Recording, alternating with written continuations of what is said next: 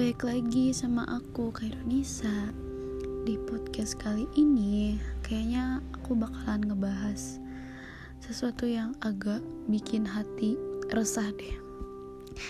Iya, aku bakalan ngebahas tentang kegelisahan. Um, Menurut kalian kegelisahan tuh kayak gimana?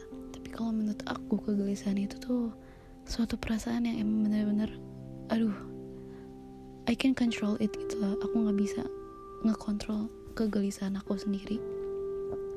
Banyak banget hal yang bikin aku gelisah di dunia ini. Nggak cuma satu nggak cuma dua tapi banyak banget.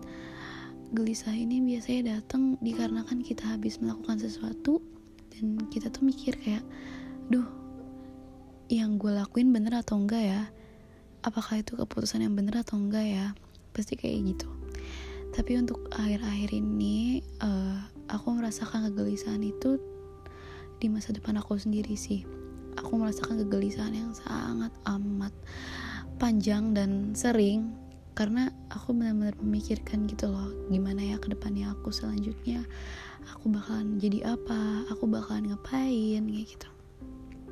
Tapi mungkin menurut aku banyak deh bagian-bagian dari kegelisahan yang dirasain sama manusia-manusia dan sama terutama sama kalian semua. Dari kita ambil salah satu contoh yang paling buruk ya. Kita baru aja berbohong kepada seseorang.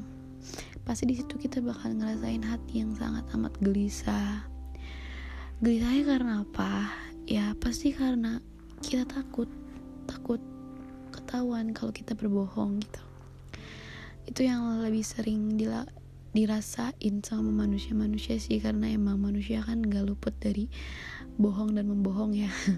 Pasti adalah beberapa hal yang secara terpaksa kita harus berbohong. Tapi ujung-ujungnya pasti kita bakal ngerasain yang namanya kegelisahan.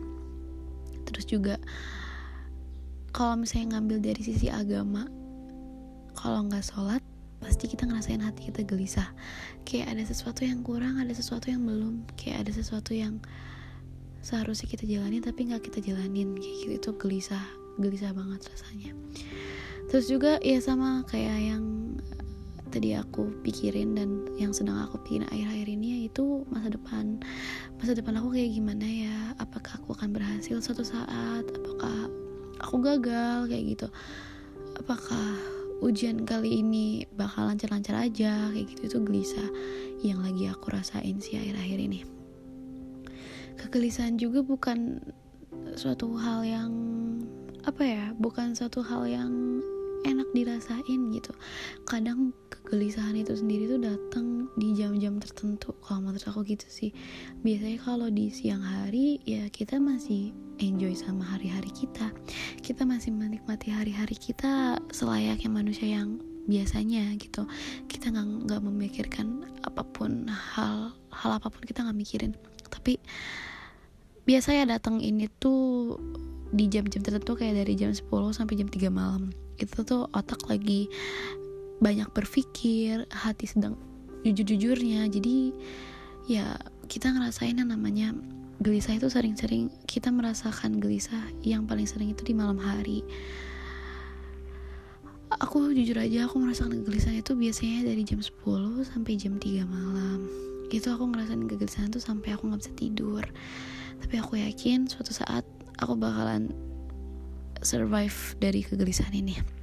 Nanti kita ketemu di podcast yang lain ya. Dadah